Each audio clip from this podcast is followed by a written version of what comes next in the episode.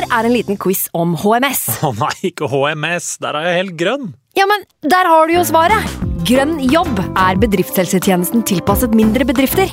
Våre HMS-eksperter hjelper mer enn 8000 bedrifter over hele Norge med alt fra lovpålagte HMS-krav til pålegg fra Arbeidstilsynet. Få på plass bedriftshelsetjeneste på grønnjobb.no.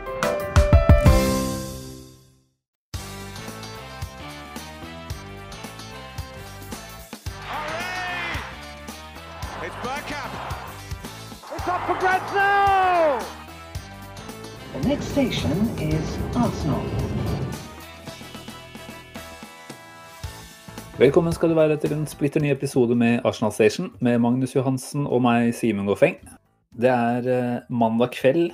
Eh, vi spilte søndagskamp mot Aston Villa og klarte rett og slett ikke å få oss til å podde på direkten, slik som vi har gjort for vane de siste sendingene. Eh, hvordan er det dagen der på, Magnus? Du har fått litt tid til å døyve skuffelsen, antar jeg, og komme noen eh, vettuge tanker om, eh, om dette braktapet, som vi må kunne kalle det.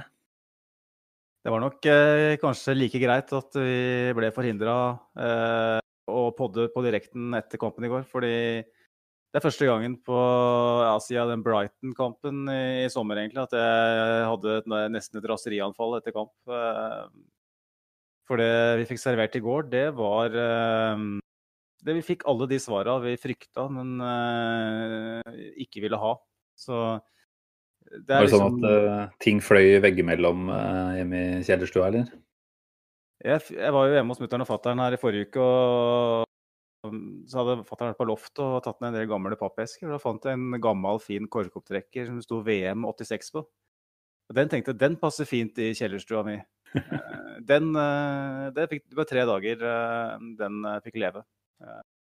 Den gikk i veggen, så rett og slett tok kvelden i går. og det Måtte fram med sparkelspaden nå, kanskje? da? Nei, utrolig nok så var det kun korkopptrekkeren som fikk det. da. Men, solid, solid vegg.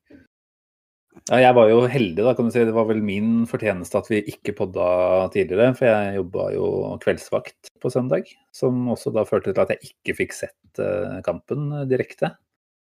Som jo da medførte at jeg måtte sette meg ned i vissheten om at vi tapte 3-0 og se dette i reprise. Jeg vet ikke hva som er verst, jeg. å vite hva du har i vente, og allikevel jobbe deg gjennom fordi du tenker at Ja, både for egen del, men også sånn at jeg skal kunne si noe fornuftig i den podkasten her, da. Det var, det var, en blytung oppgave å sette seg ned i går kveld og åh, vite at her er det tre mål i sekken, ingenting framover å juble for. Og jeg hadde jo snakka litt med deg på veien hjem fra jobb, og du, du ga meg jo få forhåpninger om at jeg hadde noe særlig ålreite prestasjoner i vente også. Jeg hadde veldig sympati med deg da, for jeg er jo av den oppfatningen av, at å skulle sette seg ned og se en sånn kamp i reprise når du vet at det bare er begredelig, det er jo enda tyngre. Ehm, jeg antar at reaksjonen din når du så resultatet, eh, var at du får, du får jo litt av den samme eh, følelsen. Det står 0-3. Eh, Aston Villa har vunnet på, på, Emirates. så klart. Sånn iallfall jeg skrudd sammen, da, at da, da spiller det på en måte ingen rolle med seriekampen eller ikke. Da, Nei, da går det kule varmt. Altså. Og når du da i tillegg da må sette deg ned etterpå og tortureres uh, i sjela for å se på det Arsenal serverte i går, da, da tenkte jeg litt ekstra på deg. Jo, takk. Nei, jeg ville jo helst hjem og legge meg når jeg var hjemme sånn halv tolv-draget der. Og da heller fram med en uh, liten potetgullpose og, og, fotball. Det, det, var, det, var, godt å komme seg litt ned på jorda etter en lang arbeidsdag, men ikke på den måten, altså. Nei, det var noe drit. Rett og slett uh, begredelig forestilling. Uh, veldig få lyspunkter. Jeg syns vi skal starte med lagoppstillinga. Det er veldig lett å være kritisk i ettertid. Men jeg må jo si at jeg var overraska over at vi velger å kjøre akkurat de samme elleve som vant på Old Trafford. God prestasjon der. Eh, prestasjon, faktisk. God prestasjon der. Eh, en helt annen type kamp eh, tenkte jeg at vi skulle få på, på hjemmebane mot Aston Villa. Hadde håpa at vi hadde gått ut med det jeg i hvert fall anser som å være et litt mer ambisiøst 4-3-3-oppstilling, f.eks. Mm, kanskje ikke sett for meg at Elneni skulle spille nok en kamp, selv om han var knallgod på Old Trafford. Dette er forhåpentligvis uh, tenker man jo et, et, lag vi skal kunne styre enda mer mot uh, på hjemmebane. Og da tenker jeg at Elneni ikke nødvendigvis er mannen vi skal pløye inn på midten, da. Hva, hva satt du med når du så de elleve utvalgte? Nei, jeg er helt enig i det. Um, Elneni passer jo veldig godt inn i en sånn type kamp som vi spilte i forrige, forrige uke. Uh, han er jo en er bikkje som løper og løper og løper og presser og har en, har en, en motor som er helt eksepsjonell. Men når vi skal spille hjemme, vi skal styre, vi skal skape, så har, har jo han ganske lite å by på. I alle mm. fall hvis han skal være én av to på midten. Hadde han vært en treer, så OK. Men når vi spiller med to på midten, så, så har han altfor lite å by på i, i, mine øyne. Så det, det var en av flere jeg vil kalle det bomurter fra Arteta. Eh, mm. Lagoppstillinga var på en måte et forvarsel om at i dag så har eh, vår unge, urutinerte manager eh, rett og slett ikke mm. vært helt på jobb, da. Jeg syns eh, det at Jeg er jo ikke den største fan av David Louis, men eh, jeg mener jo i en sånn type kamp Mm. Eh, at han bør starte, sammen mm. med, med, Gabriel. Eh, Bård Hegseth eh, skrev til oss på, på Facebook David Louis, vår viktigste spiller i kampen vi skal mm. Styre. Han stiller spørsmålet. Holding holder dessverre ikke nivået i andre kampbilder enn der vi ligger kompakt og har mye trøkk imot. Og det er på linje med det jeg òg tenkte. Um, det er lett å tenke at, at, Holding bør belønnes for en god kamp på Old Trafford. At det er nyttig å spille med samme uh, mannskap uh, defensivt, så de får uh, utvikle gode relasjoner osv. Men Rob Holding, når han må løpe hjem når det er strekk i, i, laget, så er han en helt annen spiller. Ikke at han hadde en sånn helt grusom aften, men at en David Louis da i tillegg fra et kreativt standpunkt, når vi ikke skaper noe som helst, så er ikke den helt enkel å skjønne. Nei, og vi har jo ofte sett at enten David Louis eller Granit Xhaka tar på seg mye av ballfordelingsansvaret. Da. Og når vi da velger å gå til en hjemmekamp mot Vi må kunne kalle det i hvert fall presumptivt dårligere motstand. Eh, hvert fall motstand vi skal eh, være ambisiøse nok til å, til å, kunne gå ut og tråkke til mot, eh, eie ball, eh, styre det som skjer. Da, da forventa jeg kanskje at i hvert fall en av de skulle starte. Jeg hadde, hadde trodd at Chaka skulle starte.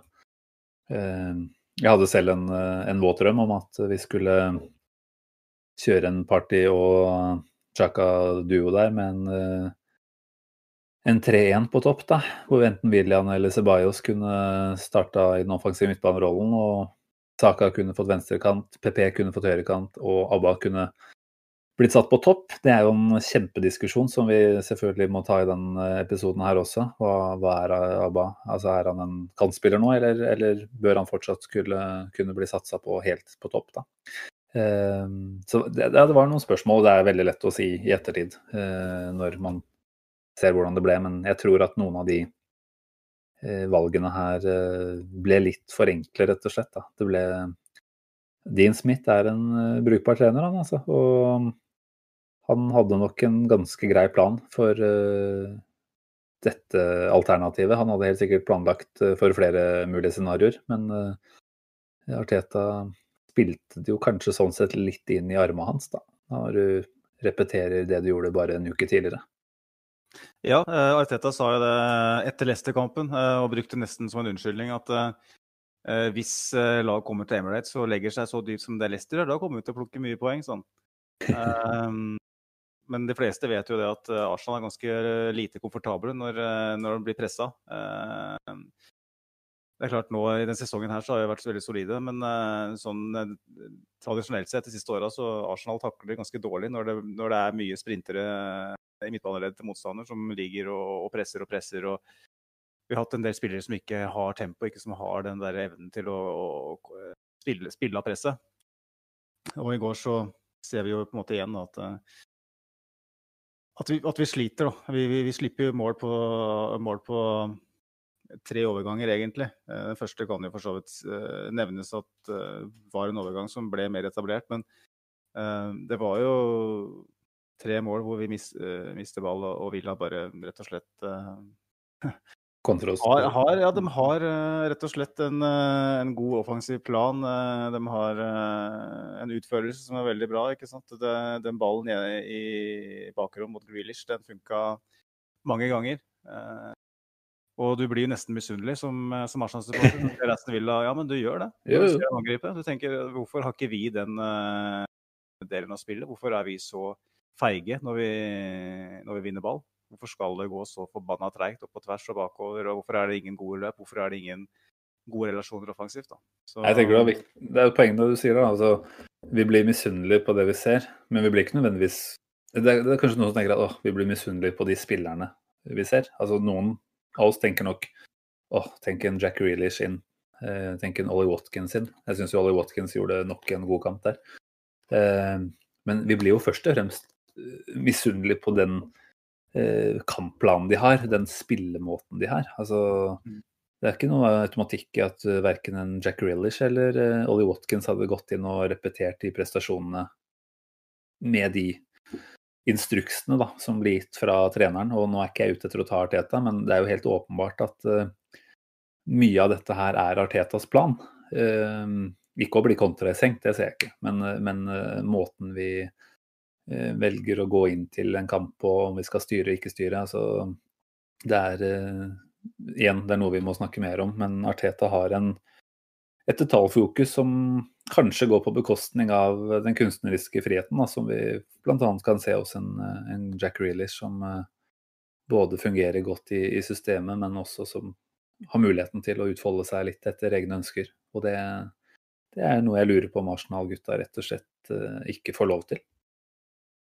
Nei, jeg syns du begynner å se et kroppsspråk hos eh, noen av de offensive spillerne, spesielt eh, kapteinen eh, Aubameyang, eh, som tyder på at de begynner å bli litt fed up med, med det som eh, Hva skal jeg si? Ja? Jeg vet ikke om det er dine egne prestasjoner eller hva det er, men sannsynligvis så handler det litt om at det du nevner med kunstnerisk frihet, da, det er en muligheten til å uttrykke seg selv og, og, være litt, og improvisere litt, da.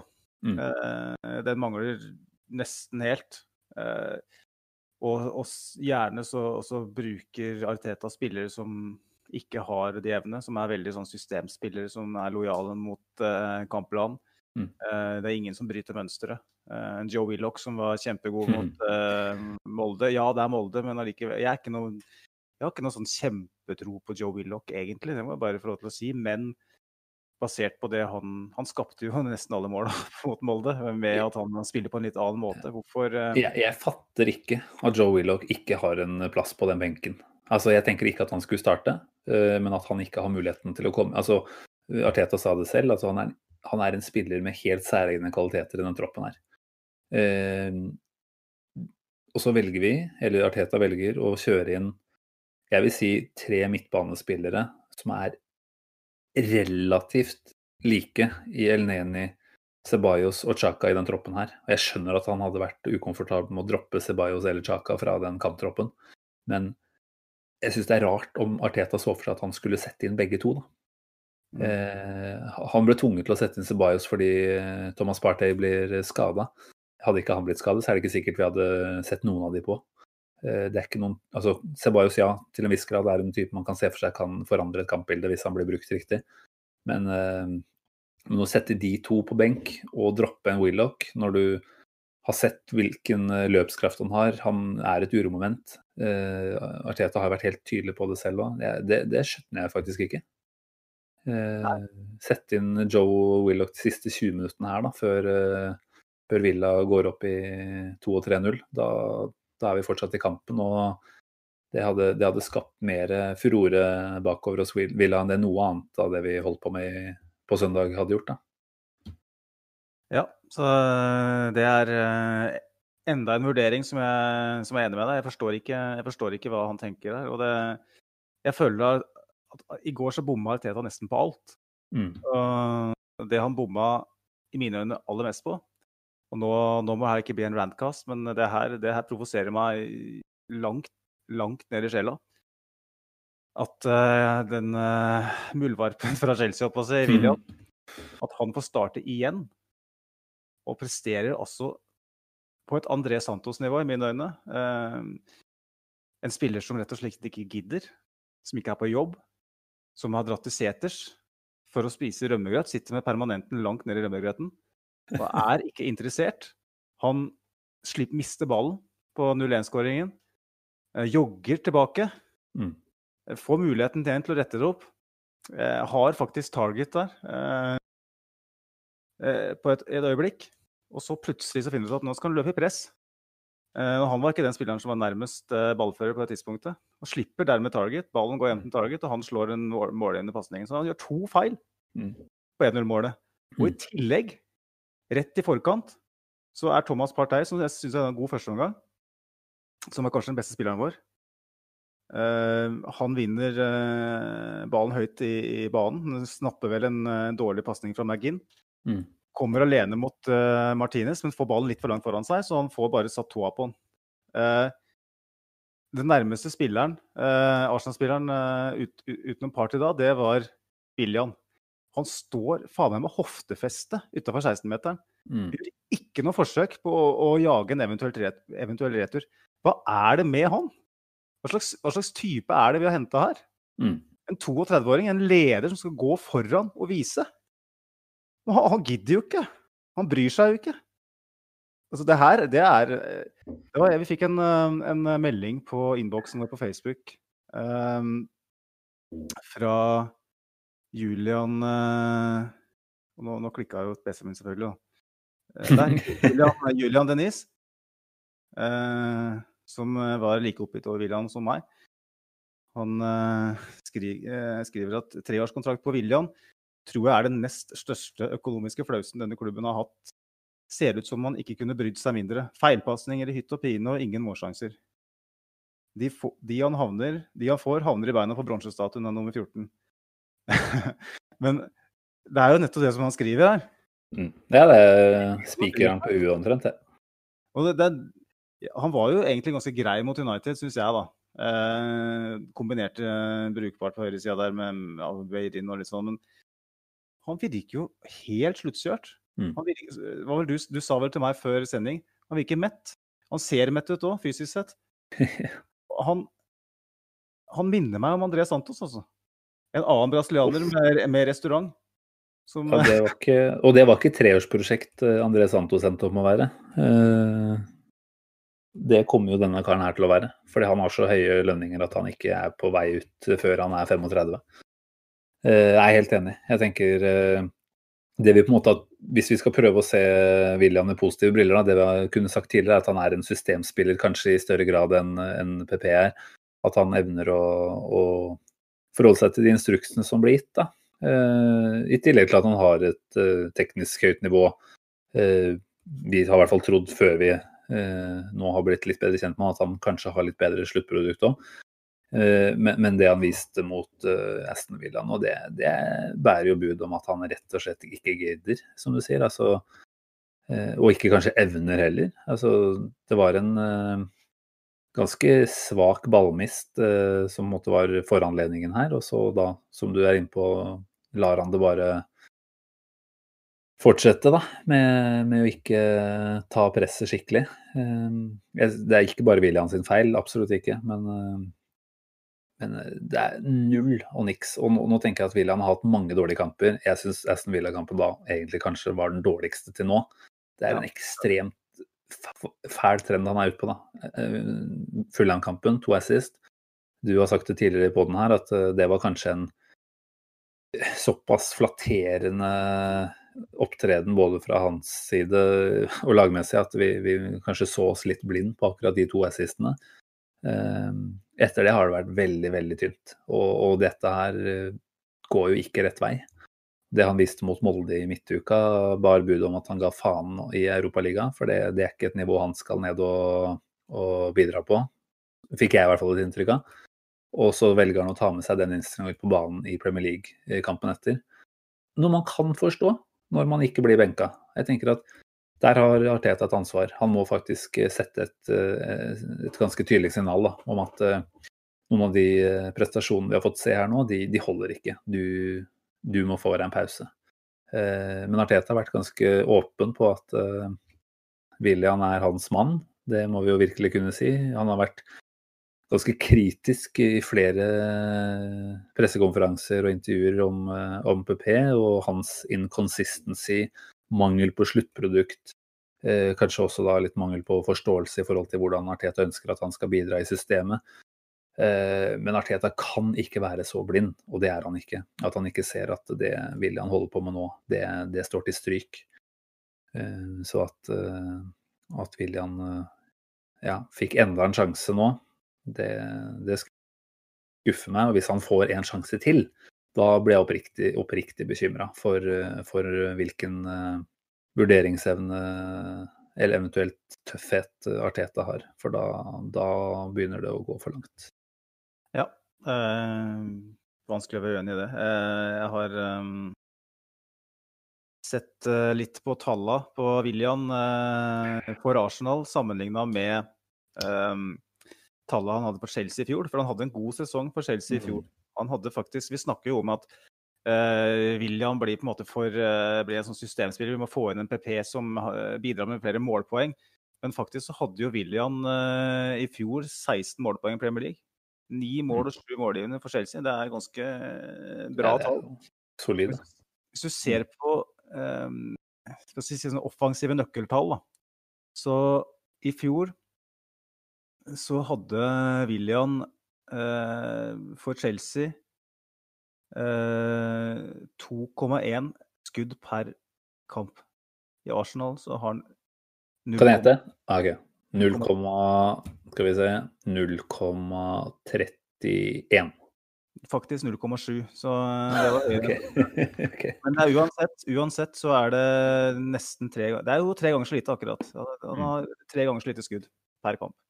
Så kan selvfølgelig systemet her eh, være en delvis forklaring, men det er ikke, det er ikke hele. Det, det, ser vi. Nøkkelpasninger per kamp. 1,8 per kamp for Chelsea i fjor. 1,1 så langt for Arsenal sesongen her. Og alle dem kommer egentlig, alle de nøkkelpasningene kommer mot Fulham. Mm. Driblinger per kamp 1,3 på Chelsea i fjor. 0,4 for Arsenal så langt. Altså, det, mm. er, det er en ofte cliff, altså. Mm. Uh, og det er på en måte de, de, de tingene jeg har eh, notert meg. Da. I tillegg så kan du da ta med 16 målpoeng for Chelsea i fjor. Da. Uh, på hvor mange kamper? 29 eh, starter, eh, sju innhopp. Eh, for Arsenal så langt så er det to målpoeng på er det, vel, er det åtte starter eller noe sånt? da? Eventuelt to målpoeng på én start, og deretter null målpoeng på sju starter. Det kan, det kan du godt si. Uh, vi har jo kjøpt, eller henta katta i sekken her. Det kan det ikke være noe tvil om lenger.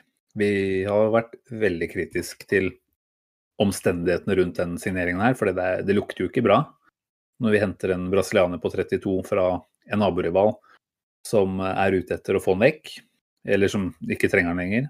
Ikke gidder gi han den lønna han er ute etter. Eh, og det er disse koblingene til eh, agenten Kia Jurabshian og Edu da, som kanskje har en litt enkel oppgave med å hente inn dette slaktofferet, må vi vel nesten kunne kalle det etter hvert. Eh, jeg provoserer meg at vi har valgt å bruke halvannen million i uka, eller hva det er, på, på nesten drive med sånn eldrehjemstilbud for William. Han hm. stilles ikke krav til, til nå i hvert fall, for da hadde han vært på enka. Og Nei, jeg syns at han Han må få seg en lang, lang uh, tenkepause på, på benken nå. For det her uh, det holder ikke i det hele tatt. Og så vil jo spørsmålet stille seg da, hvis han blir benka, er han egentlig overhodet interessert i å ta opp fighten for å få komme tilbake igjen i elveren? Gidder han det? Han sitter jo og hever lønna si uansett. Nei, altså vi har jo, Det er jo en trend uh, som har vært over ganske mange sesonger nå, at vi, vi gir uh, store kontrakter til aldrende spillere i en, en såkalt quick fix. da. vi skal opp og nikke med en gang. Mm. Derfor så får får de spillere her eh, lange kontrakter. Men William skiller seg ut kan du si, i likhet med Cedric Suárez at det er spillere som helt åpenbart signerer for Arsenal fordi at de har en agent som heter Kiar Abshan. Det er jeg nesten helt sikker på. Når det gjelder Cedric, så er jeg helt sikker på det. Altså, det, mm. det, det finnes ikke tvil i helvete om at han er i Arsenal kun fordi at Kia er agenten hans. Og jeg mistenker at han hadde veldig mye med William-signeringen å gjøre. Og det sier jo litt når han står i hagen hans. Og det er sånn som, hvorfor, hvorfor, gjør vi de samme feila igjen og igjen og igjen? Hvorfor bruker vi så mye penger på spillere i, den, i det alderssegmentet som Eh, hvorfor Mm. skulle Jeg vet ikke. Eh, når William kommer inn i en posisjon hvor vi sommeren før har rett og slett knust overgangsrekorden vår og hentet Nicolas PP, en spiller som hadde en ganske god progresjon mot slutten av sesongen i fjor. Mm. Han henter da en 32-åring på et treårskontrakt i den samme posisjonen når vi har behov andre steder i, i laget. Jeg forsto ikke det i sommer, men så tenkte jeg OK, sånn er det. Eh, kanskje skal William brukes i flere posisjoner, kanskje Mm. kommer han inn på benken. Kanskje, også spesielt den sesongen her, så kan han være Ettersom han var såpass god i Chelsea i fjor, så kan han Mm. kanskje ha en god sesong i år. Men når han starter på den måten her, Mm. da tenker jeg hvordan skal det bli, da? Altså, det, er, ok, det er tidlig, kanskje så, så runder han hjørnet. Kanskje så sitter vi her med egg og, og marsipankake splatt over trynet begge to om noen uker. Jeg håper det. Jeg tar den bløtkaka vel imot, ja. Så hvis vi, hvis vi må bite i det sure eplet og innse at uh, William er bedre enn det vi frykter, det hadde vært helt nydelig. Men jeg ser veldig lite hos han nå som tilsier at det plutselig skulle skje en stor forandring der. Ja, Jeg, eh, jeg, jeg tenker jo kanskje at uh, han også er et offer for vårt offensive misere, da. Så vi har jo ikke offensiv samhandling om dagen. Det skjer ingenting framover på banen, bortsett fra spille ut på kant omtrent og, og legge inn i feltet. Det er, det er nesten det eneste jeg ser. Og det er vanskelig å skinne eh, i et system som ikke funker. Selvfølgelig er det det. Men, eh, men igjen, da. PP kom på i går, eh, eller foregårs. Han eh, er i hvert fall mer direkte på mål. Han er ute etter å få den ballen inn i feltet litt oftere. Han avslutter kanskje ikke om en så veldig godt, men, men det er en annen sult, sitter jeg i hvert fall med en følelse av. da. Og jeg, jeg syns at PP nå Nå har William fått åtte kamper på rappen. Da har du fått muligheten til å spille deg eh, i form, du har fått muligheten til å bli kjent med lagkamerater. Jeg syns ikke han har klart å danne noen relasjon egentlig med noen medspillere. Kanskje Bellerin til en viss grad, men, eh, men nå tenker jeg at det er på tide å gi PP den samme muligheten. For det er det jeg opplever har vært litt urettferdig til nå. At Arteta har omtalt PP som han er helt ubrukelig, nesten, mens William har blitt tatt i forsvar. Den ene er på sin andre sesong i Premier League og bør få en del forståelse fortsatt for hvorfor ting ikke har gått helt på plass, mens den andre har vært i Premier League og levert ganske solid nå i seks-syv sesonger. Den ene skal man forvente 100 fra fra dag én, den andre mener jeg fortsatt at man kunne forventa ujevnheter fra. Og Arteta har snudd det litt på hodet. Eh, Jeg håper ikke Arteta er villig til å falle på Williams-sverdet og dø på den måten der. Det tror jeg ikke, og det var kanskje litt vel dramatisk å si, men, men eh, jeg trenger at vi benker William nå til neste kamp mot Leeds. Ellers så skjønner jeg virkelig ingenting. Nei, det har vært veldig, veldig forfriskende og, og litt sånn betryggende å se en William bli benka nå. For da, da, Mm. da får du på en måte følelsen av at OK, eh, det, er ikke, det er ikke en agenda her. Mm. Det er faktisk eh, Det handler om, om, om det vi alle, alle ønsker, at Arsenal skal eh, klare å utvikle et offensivt spill. Og, per nå så er William en av de som Og, og den aller verste i mine øyne. Så, som ikke, ikke bidrar i det hele tatt eh, i riktig retning. Og så har vi Så må vi vel kanskje gå videre, da, når vi først er inne på den elveren i går, med de to, andre, de to andre pensjonistene. Jeg på å si. Nei, det er ikke det, da. Men det er, vi har jo en, en, en trio foran der som alle på en måte er eh, enten eh, på vei over middagshøyden eller på vei ned fra middagshøyden. Mm. Um, Lacassette starter igjen uh, i den uh, spissrollen, mens uh, Aubameyang igjen starter ute til venstre, Simen. Jeg vet ikke om du skal få lov til å innlede her. Hva, hva, hva, tenkte du om det i forkant? Nei, jeg var vel innpå det, var vel innpå det før her i sendinga at eh, jeg hadde en drøm om at vi skulle se ABBA eh, på topp. Eh, vi kan godt si at ting ikke løses på den måten, fordi Arteta har sannsynligvis sitt ønske om hvordan en spiss i dette laget skal fungere. Og jeg tror ikke Arteta, ved å gå inn og gjøre akkurat eh, de samme oppgavene som Lacassette, hadde sett så veldig mye bedre ut, for å si det sånn. Men eh, hvis jeg skal være veldig enkel her, da, så vil jeg si at vi kommer til et ganske begrensa antall eh, målsjanser i løpet av hver kamp. Uh, nå ser vi at uh, Lacassette kommer til flere av de enn Aubameyang. Da, for meg så er det så enkelt som at vår beste avslutter må få muligheten til å være på enden av de sjansene som faktisk dukker opp. Um, og jeg tror også at, Arteta, nei, at Aubameyang ville komme til flere sjanser, fordi han er en, en helt annen spiller inne i boksen enn det Lacassette er. Han lukter målsjanser, og han, han er mer bevegelig, rett og slett. Da. Så, så, jeg tror ikke nødvendigvis alt hadde blitt så veldig mye bedre sånn spillemessig, men jeg tror at de sjansene vi kommer til, øker sannsynligheten ved at vi, på at vi kan uh, omsette de til mål. Og um, jeg, jeg, tenker at Aubameyang bidrar med veldig, veldig veldig lite nå fra kant. Han hadde et innlegg til William som William burde gjort mer ut av. Uh, men utover det så syns jeg det Aubameyang får til fra kant, er eh, Det er ikke verdt det, rett og slett. Så jeg, jeg, vet at det er eh, Du har vel kontroll på våre kommentarer og innspill, eh, Magnus, men det er flere som tenker at ikke alt nødvendigvis løser seg med å putte Aubameyang på topp. Jeg tenker at nå har vi droppa å sette Aubameyang på topp i en fjerdedel av sesongen snart. Hvordan har det funka? Har vi noe å tape på å sette vår beste spiss eh, på spissplass og nærmest mål. Fotball er enkelt, den ballen skal inn i mål. Da må vi sette den personen som kan omsette sjanser oftest, foran mål. Enkelt og greit. ja, nei, men du, du, stiller et spørsmål der, og, og jeg syns jo det mest interessante er, er, nettopp det. Har vi noe å tape på det? Og der, der eh, føler jeg kjernen er, da. For eh, sånn som Lacassette holder på akkurat nå, så bidrar han ganske lite i det oppbyggende. Han, bidrar, han, er, han, virker som en spiller som ikke har det fysiske eh, til å kunne spille 90 minutter i Premier League på den måten. I den rollen. Det er en veldig krevende posisjon, og du mm. har, har litt sympati med den. Spesielt i det systemet her.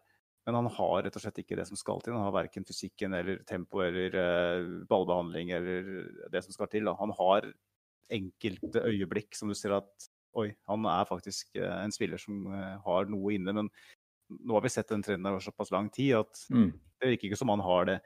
Og da tenker jeg at Aubameyang faktisk da ville løst den rollen på en annet vis, selvfølgelig. Eh, men jeg ser, strukturelt, strukturelt, sett så ser jeg ikke hva vi har å tape på det. Fordi at Lacassette fungerer ikke optimalt eh, per nå. Og uansett, da.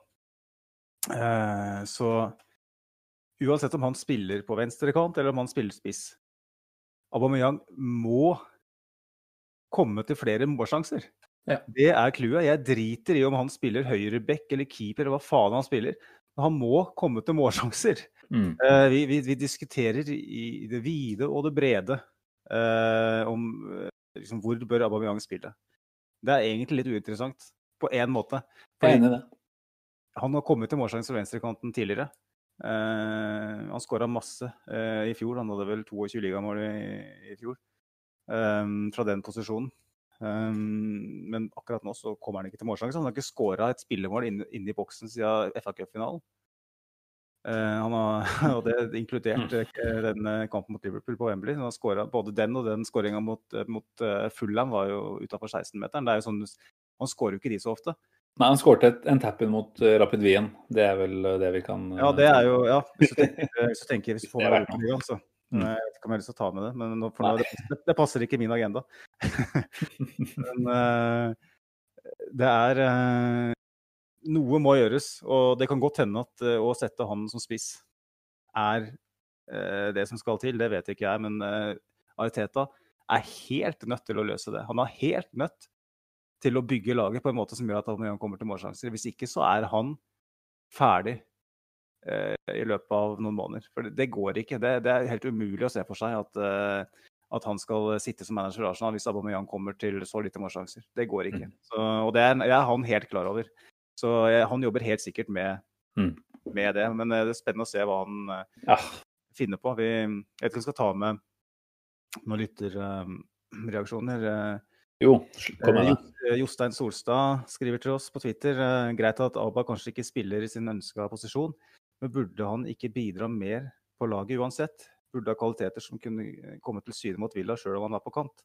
Så da er på en måte spørsmålet er Aubameyang i likhet med William litt mett? Har han fått en uh, Oh. drømmelønn? Altså, det er det Ja, ja. Det har vi stilt i ganske mange podder nå, tenker jeg. Egentlig. Det er vel, eh, det er vel sju matcher vi har spilt siden Fulham, da. Og det var etter Fulham-kampen han signerte eh, kontrakten sin. Man ser jo at han ikke er fornøyd om dagen, det er det ikke noe tvil om. Du ser jo at han ikke uh, har det ålreit på fotballbanen. Men spørsmålet er gjør det vondt nok til at han er villig til å ta det ekstra Legge ned den ekstra innsatsen da, som skal til, og som du egentlig må da når du er kaptein for et eh, lag som Arsenal. Jeg syns jo ikke jeg ser det. Så jeg er helt enig med Jostein der at, at Aubameyang må se på seg selv. Han, det er sikkert lett for han og vi har en trener som tar ekstremt eh, mye ansvar for hva som presteres. Eh, Arteta var jo tydelig på det i etterkant. Så det kan være lett for spillere å gjemme seg bak en trener som sier at det er min feil, eh, der en Mourinho sier at det er spillernes feil. Og kanskje på den måten også får treffer, treffer en nerve da, hos noen av de spillerne. Så, så er det lett og det er komfortabelt å, å høre på at treneren sier at det er min feil. Og til en viss grad så er det selvfølgelig et eh, resultat av at det er flere motstandere som nå vet hvordan Arteta ønsker å operere med Aubameyang fra venstresida. Jeg tror det er det var et moment som overraska en del i starten, og så passa det godt i, et, inn i en del kampbilder hvor vi sto hvor vi spilte, spilte mot motstandere som sto høyt. Mens eh, det blir vanskeligere når vi møter kompakte lag som, eh, som legger seg lavt på, på Emirates. Da. Det er jo gjennomgangsmelodien denne sesongen her, at vi har sett ganske ræva ut på hjemmebane, rett og slett. Vi skal jo vi må nesten ta litt, litt om det strukturelle eh, etter hvert nå. Men, eh, for det er interessant nettopp det du sier der med, med den gameplanen og, og mangel, mangel på eh, gjennombruddskraft i det hele tatt. Men eh, jeg har sett litt på tallene på Aubameyang. De, de tallene har vi jo for så vidt nevnt flere ganger, men vi har gått litt eh, dypere. Mm. Fordi i fjor så overpresterte Aubameyang ganske kraftig, egentlig. Han hadde egentlig litt for få avslutninger i fjor òg, men han hadde en helt ekstrem effektivitet. Litt i motsetning til hvordan vi kjente den fra før. Før så fikk han jo masse sjanser hele tida, og, og brant gjerne litt for mange av dem, men til sammen så ble det likevel mye mål. Eh, I fjor så hadde han 2,6 eh, avslutninger per 90 minutter. Mm. Eh, som er egentlig litt for lavt, men likevel, det er jo, det er jo OK. Han har rett og slett eh, halvert det og havna på 1,3 så langt denne sesongen. her. Mm. 1,3 avslutninger per kamp, som er nummer 40 uh, i Premier League. Harry Kane ligger vel på 8 per kamp, som er ekstremt, selvfølgelig. Men de flere, eh, altså det sier jo Det, det, det tegner jo et bilde, da. Ja, Det er jo en tendens vi har sett over lang tid, eller en stund nå. Så det er jo ikke, det er jo ikke tall som De kommer til å endre seg, men de kommer ikke til å endre seg markant. Så fremt ikke det skjer en stor forandring på, på systemfronten. Sorry, fortsett. kvaliteten på sjansen hans er, er lavere. Sett på XG-en. I fjor så hadde han en XG på 0,47 eh, skåringer per match. Det er egentlig ganske brukbart, for da ligger du an til å skåre i annenhver match omtrent. Um, og så vet vi at han gjorde mer enn det. Nå ligger han på 0,17 per match. Det er under ett mål per femte kamp. Mm. Det er skrekktall. Og det er altså ja. det, er, det er den største hodepinen vi har per nå. Eh, Mm. glem det strukturelle, glem For det har jo noe med det å gjøre, selvfølgelig. Men de tallene her, det, det bør være en stor rød knapp som må trykkes på på London Calling nå. For det her, det, her det, må, det må fikses. Det er helt nødt til å fikses hvis vi skal ha noe form for forhåpninger for å Mm. gjøre noe som helst i sesongen her. Så jeg, jeg, jeg, Du sitter og ser en kamp, ikke sant? Og øya dine blør. For det, er bare, det er bare så trist og grått og, og forutsigbart. Og så går du inn og ser på tallet, og så håper du kanskje at Kanskje få, få en sånn liten boost av å se på tallet. Kanskje er det har vi litt uflaks, har vi litt utur. Og så er det bare enda verre. Mm. Eh, og det, er på en måte, det bekrefter jo det vi ser. At uh, Aubameyang eh, er rett og slett kriminelt uh, ubrukelig per akkurat Mm. nå. Uh, Ut ifra hva han egentlig kan. Jeg må bare gå tilbake til det jeg sa før. At uh, sett Aubameyang på enden av noen av de sjansene som Lacassette har fått, så er det større sjanse for at det blir mål. Eh, Lacassette har jo vist over lang tid nå, snart et år kanskje, at han ikke har selvtillit. At han ikke har fysikk.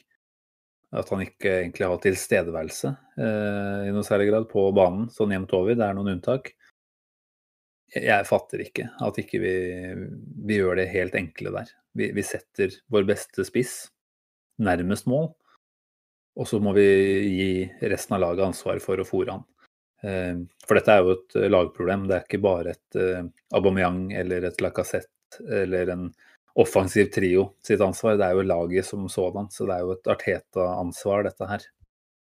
Men, eh, men Nei, jeg, jeg, jeg syns at Jeg tror Arteta har et ønske om Vi ser jo det at han ønsker å sette en dyp spiss, og han ønsker å ha kanter som angriper enda litt høyere. Litt sånn lignende Liverpool, kanskje. Men vi, vi får jo ikke det til i det hele tatt. Og det Nei, jeg blir matt når jeg hører de tallene dine. 0,17 eh, expected goals per kamp på, på Aubameyang. Det er, eh, det er farlige greier, altså. Han overpresterer faktisk eh, nå òg. det er jo Ja. Men Ved å score på et straffespark så er det vel ca. 0,25 over XG-en som er forventa. Så det er vel der den kommer fra, da. Ja, jeg antar det. Vi må jo snakke litt, Simen, om eh, en eh, kommentar eh, fra Arteta som vel ble var vel i en pressekonferanse i forrige uke, hvor han sier at vi må skåre 90-100 mål per sesong for å virkelig være kompetitiv. Og, det er vel det er vel for så vidt sant. Kanskje, kanskje klarer vi oss med mellom 80 og 90, men det er for så vidt akademisk. Clouet er at vi er nødt til å skåre Mer. mye, mye mer enn det vi gjør per nå. Og vi har jo skåra ni mål på åtte kamper, er det det? Stemmer nok. Ja. Eh, Og da, da sier seg sjøl at da ligger vi ganske langt unna å kunne komme på sånne, en sånn type tall som han mener. Da. Og det, det ser nok Arteta selv også, men uh, det er jo en struktur i laget nå og en måte å spille på som gjør at det, det er vanskelig å kunne se for seg at, eh, at den måten å spille på i nesten uansett hvem du har i elveren, Mm. skal være mulig. Mm. Eh, per nå så eh, Jeg setter på tallene der òg, og sammenligna med fjoråret da, så ligger vi jo dårligere an eh, per 90 enn vi Mm. eh, og Selvfølgelig så skal det tas forbehold om at vi har spilt tre bortekamper mot eh, de tre lagene som havna på eh, topp tre i fjor. Um, og sånn sett at det er en ganske vanskelig sesongstart, men tallene er allikevel såpass skrekkelig dårlige at, eh, at jeg syns det må nevnes. Mm.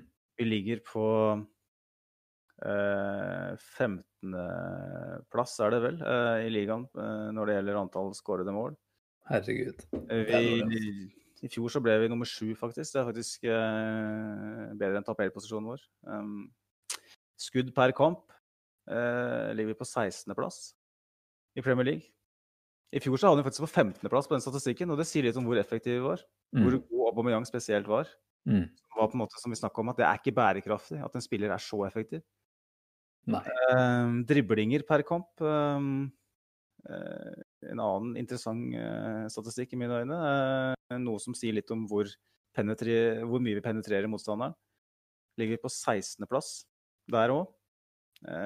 mens eh, vi i fjor havna på 9. etter 30 kamper. En klar reduksjon. Eh, og til slutt den berømte nye statistikken, XG. Antall skåringer, når det gjelder antall skåringer per kamp, så han vi på ligger på 13.-plass. Eh, det, der var jeg litt overraska at vi lå så høyt, faktisk. Ja, igjen var det Aubameyang sin fortjeneste at vi presterte bedre enn enn XG-en tilsa, da. Det, det var i år, denne sesongen her. Eh, Vi havna på 9.-plass i fjor, da. Eh, Niende i fjor. Riktig. Vi ligger på 13. nå, og det, det trodde jeg faktisk at vi lå enda dårligere an. Men um, Det er hvisken her på kontoret som gjør at jeg begynner å, begynner å ikke helt følge med. Beklager det. det blir sånn allsang på grensen til vanlig. Eh, mot slutten av sendinga. Men uh, vi, får, vi, får, ikke si det. Vi skal prøve uh, Heng med oss. Vi, vi, skal skru av mikrofonen når festen begynner etterpå. Festen? Vi må jo prøve å ta en, mandags, en liten mandagsfest her for å glemme og drukne de sorgene som vi har påført oss ved å bli Arsenal-supportere. Hjemmekontor i morgen, da, så er det muligheter for det. Men ja, det, vi får vel kanskje Tilbake til tallene da, Magnus. Mm. Mm. Ja, jeg vet ikke om jeg har så mye mer å si, eh, Simen. Eh, jeg har presentert de viktigste tallene nå, ja. Eh, som jeg syns ja. er bekrefter det, det øya ja. har sett. Det jeg syns vi kan si om Arteta til nå, det er han er safety first. Han har håndbrekket på. Jeg, kan forstå hvorfor han har et problem med å slippe håndbrekket. Fordi jeg tror å bli rævkjørt, for å bruke et uh, sånn uttrykk, mot, borte mot uh, de andre topplagene, det kan potensielt være skikkelig skadelig for Artetas langsiktige prosjekt, da, som han håper at vi skal uh, komme i mål med. Jeg, jeg, tror at når han snakker om 90-100 mål, så snakker han ikke nødvendigvis om denne sesongen. Han snakker om målet. Eh, og jeg tror Arteta har et mål om å være her i hvert fall de tre år. Og, og dette har vi snakka om før. Arteta bør ikke dømmes fullstendig av oss før det har gått i hvert fall ut neste sesong. Da, det er da jeg tenker at Arteta skal få sin endelige dom, da. Tidligst. Eh, så at eh, det vi ser nå er ganske forsiktig, det har jeg en forståelse for. Men da er det noe med å se på, på hva det går på bekostning av, da. Eh, og at vi faktisk heller ikke, ved å være relativt forsiktige i tilnærminga, klarer å unngå baklengsmål. Altså, vi hadde en hjemmekamp mot Westham hvor vi vant.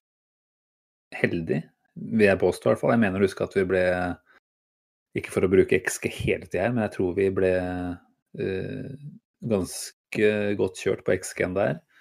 Sheffield United var en tett kamp. Eh, Leicester tapte vi. Aston Villa ble vi grust i. Altså Jeg tenker at Arteta nå har eh, veldig god nytte av å få innspill fra noen i dette trenerteamet om at dette her funker ikke optimalt. Vi må løse opp litt. Vi må la spillerne få litt mer kunstnerisk frihet, som vi snakka om. da. Eh, vi trenger, å, vi trenger å spille til lagets eh, store styrke, da. Og jeg tror, selv om det ikke er i nærheten av noe som tyder på det nå, så er det fortsatt offensivt det laget her bør kunne være aller best. Da. Ja. Eh, det er en Thomas Partey som dessverre ser ut til å ha blitt uh, skada i hvert fall noen uker nå. Litt usikkert fortsatt hvordan det ser ut. Som kan komme inn og rydde opp ganske godt bakover. Men, men, først og fremst så tenker jeg at vår styrke og vår forse, det er framover. Vi skal gå ut i hver kamp og tenke at vi skal skåre tre mål, uh, tenker jeg. Ikke at vi skal holde nullen og skåre ett. Eventuelt komme under og kanskje da skåre to. Um, mm. Jeg syns det, det, er litt for forsiktig, rett og slett. da. Jeg, jeg, håper at Arteta har fått seg en vekker med det siste resultatet her.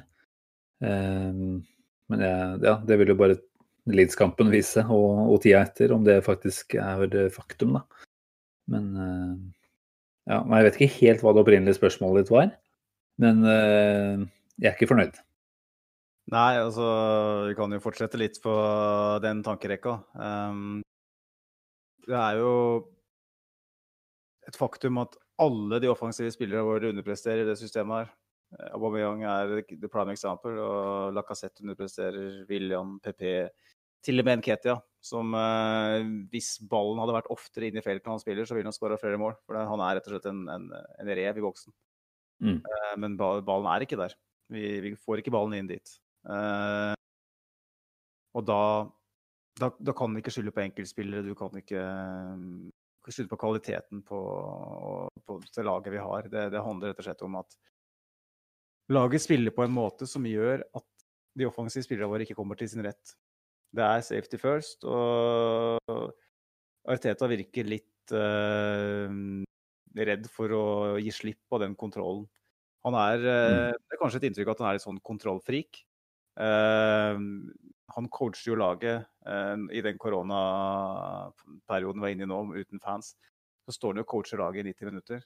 Noe han ikke kommer til å kunne gjøre når, når det blir fans på tribunen igjen. Ja, det er et godt poeng, faktisk.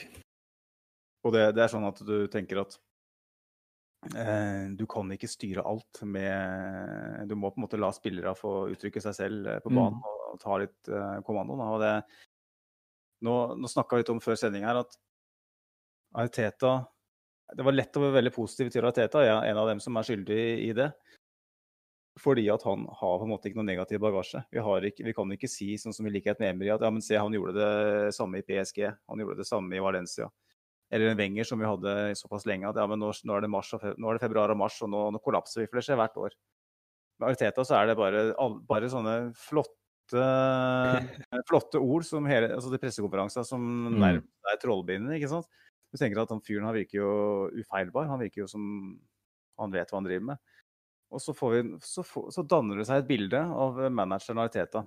En manager som vi egentlig ikke kjenner eh, godt nok.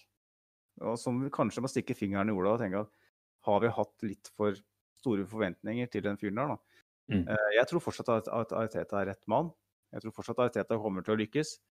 Men jeg tror vi har vært skyldige som, som fans og vært litt desperate etter at han skal være eh, den neste Guardiola. da. Helt klart. Um, er det rettferdig overfor han i sin første jobb å forvente det? Og er det Kan vi med sikkerhet si at han eh, kommer til å løse den floken han har nå? Det, det, det kan ikke vi si. Vi har ikke den tryggheten. Vi vet ikke. Det kan godt hende at, at når vi har spilt mot Leeds og Wolverhampton og Tottenham, at vi står med tre tap til og uh, fansen krever hodet hans på et fat. Det kan skje. For vi aner ikke eh, hvordan Arteta kommer til å takle det her. Det har vi ingen forutsetninger for å kunne, kunne gjøre, og det er veldig veldig spennende. Det inn, vi går inn i en veldig definerende periode Mm. nå. Og jeg, jeg er helt desperat etter at han skal lykkes. Det, det er så viktig at han lykkes nå. Eh, Ikke bare fordi at, eh, at Arsenal skal lykkes, men fordi at han er Han virker å være eh, en sånn type som, eh, som har de rette verdiene, da, som samsvarer med klubbens visjoner. Mm. Eh, og hvis han er feil mann, da Hm. da, har vi, da har vi gjort såpass mye i, organis i det organisatoriske, da. Vi har fjerna omtrent hele den strukturen som har vært der. Eh, det er kun Edu eh, igjen i fotball, en sånn fotballrolle, egentlig, da, som sitter skal si, sånn, i en sånn prominent, prominent rolle. Eh, og Arteta har fått litt sånn gammeldags manageransvar. Da. Han har fått ekstremt mye ansvar. Uh, han har, eh, har en finger med i spillet på det aller meste. Og det blir, det blir genierklært det, at det er riktig og, og så videre. Da. Men vi blir jo ekstremt sårbare hvis Ariteta ikke er rett mann. Da, det snakka vi om for noen episoder. Hva hvis han er feil mann? Hva slags situasjon stiller vi oss i da? Da, da har vi på en måte ingen struktur. Eh, og hvorfor, hvorfor skulle vi på en måte Det er en sjanse å ta. Jeg, Ja, det er det. jeg sporer litt av nå, merker jeg. Ja, for å, for å trekke deg litt tilbake igjen. da.